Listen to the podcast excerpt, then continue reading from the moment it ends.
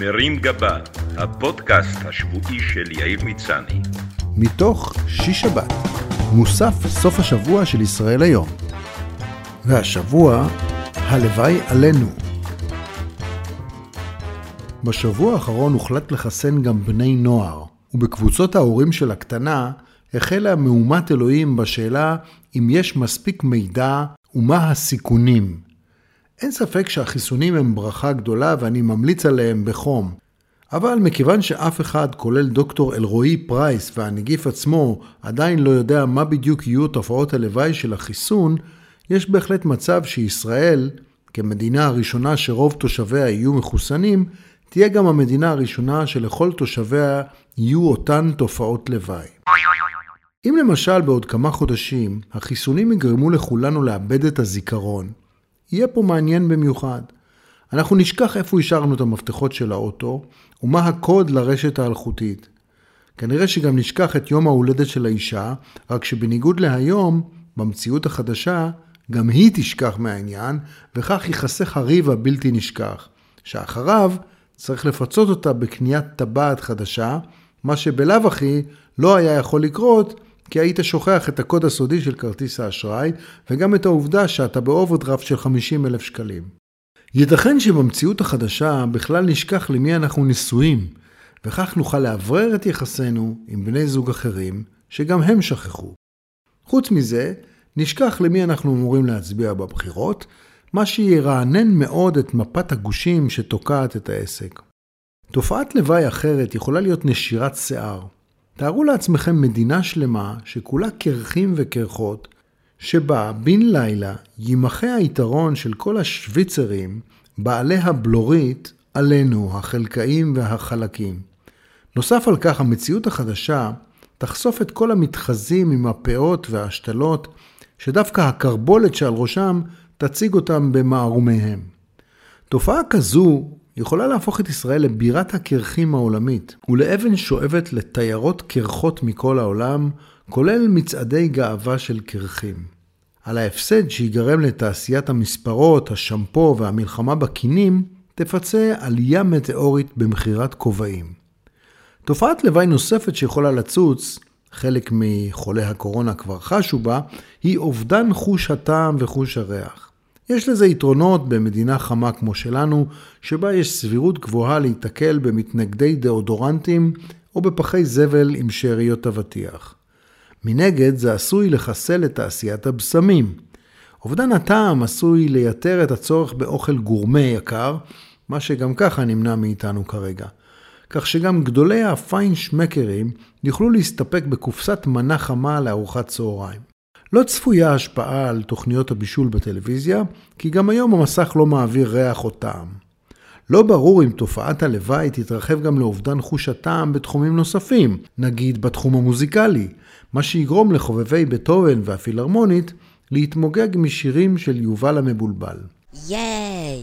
אם כל המדינה תסבול דווקא מעיוורון צבעים, הטלוויזיות יוכלו לחזור לשחור לבן, ובארונות הבגדים יתפנה מקום כי יהיו רק בגדים שחורים ולבנים. הקשר עם פייזר מסעיר את הדמיון בכל הקשור להעצמת כוח הגברא, כך שייתכן שדווקא זו תהיה תופעת הלוואי של החיסון. אם פתאום יתברר שהחיסון של פייזר יחזיר את הקשישים לתפקד כמו בגיל 20, זה ישנה כליל את האווירה בבתי האבות. אם החיסונים יחזירו גם את הקשישות לימיהם כקדם, נחזה בבייבי בום בקרב דור הזהב, מה שעשוי לשנות את מפת הבייביסיטרים בישראל, כי הסבים שעכשיו שומרים עבורנו על הנכדים, יחזרו בעצמם להתרבות, ופתאום ידרשו שאנחנו נשמור להם על הילדים. אם לעומת זאת, תופעת הלוואי תהיה דווקא אובדן כוח הגברא, יתפנה לכולנו זמן ליותר ספורט ויוגה. ייתכן שחמומי המוח יעברו ממריבות על בחורות לתרגול מדיטציה וביקרם יוגה על מחצלות. כמה מילים על פרטיות. בשבועות האחרונים פרצה השמועה שוואטסאפ מעדכנת את מדיניות הפרטיות של האפליקציה ותשתף בהתכתבויות שלנו את החברה האם פייסבוק. כתוצאה מכך החלה נטישה של וואטסאפ והייתה הסתערות על אפליקציות אלטרנטיביות כמו סיגנל וטלגרם, וקבוצות שלמות שהיו פעילות בוואטסאפ עברו לאפליקציות מתחרות. וואטסאפ נבהלה, ותוך כמה ימים חזרה בה מההחלטה ודחתה את העניין בכמה חודשים, כך שאפשר בינתיים לנשום לרווחה ולהמשיך להציק לאנשים כרגיל בסרטונים שהם כבר קיבלו משש קבוצות אחרות. פרטיות היא נושא חשוב וסבוך. אף אחד חוץ מפליטי ריאליטי לא רוצה שאנשים אחרים ידעו עליו יותר מדי פרטים אינטימיים.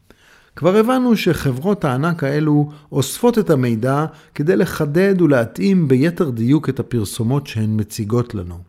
ואם בשביל זה יש עובד מיוחד בוואטסאפ או בפייסבוק, שכל תפקידו הוא לנבור בשיחות המשעממות שלי, אז שיהיה לו בהצלחה ואני משתתף בצערו.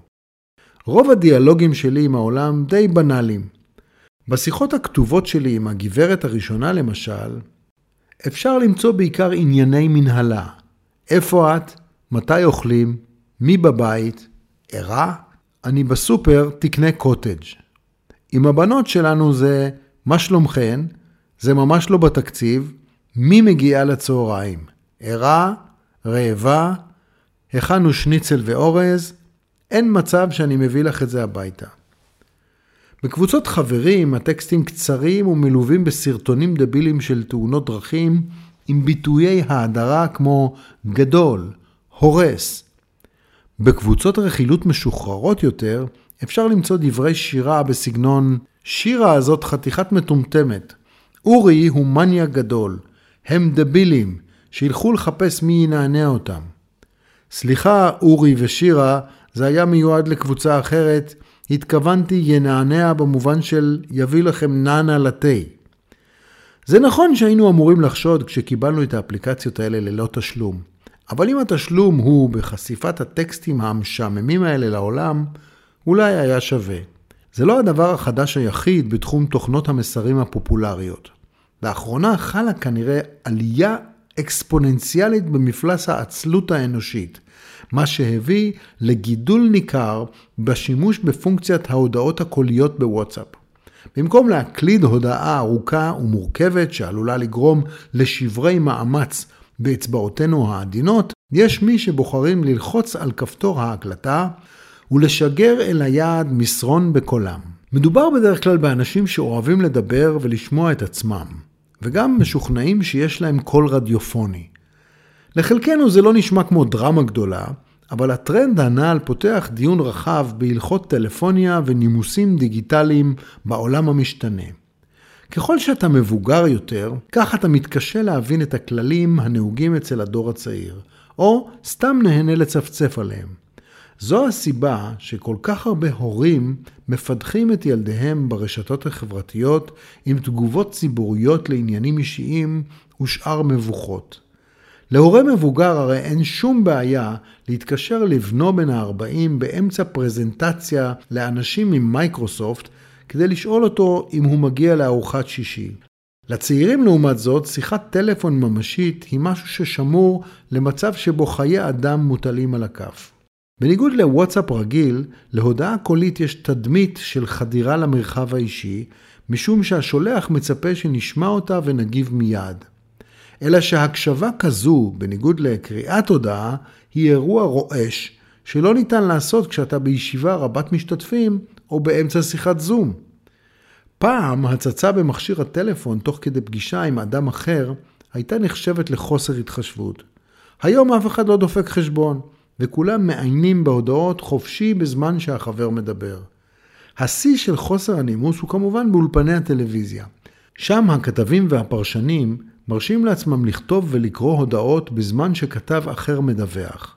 אז מה אם חצי מדינה מסתכלת? אולי זה בגלל עמית סגל, שרוצה שנחשוב שהוא מקבל עדכונים חיים מראשי המדינה בעניינים קריטיים, כשבפועל מה שכנראה כתוב שם זה אחרי השידור תקנה נייר טואלט ותעבור אצל אימא שלי לקחת את הגולש. מרים גבה, הפודקאסט השבועי של יאיר מצני. מתוך שיש שבת, מוסף סוף השבוע של ישראל היום.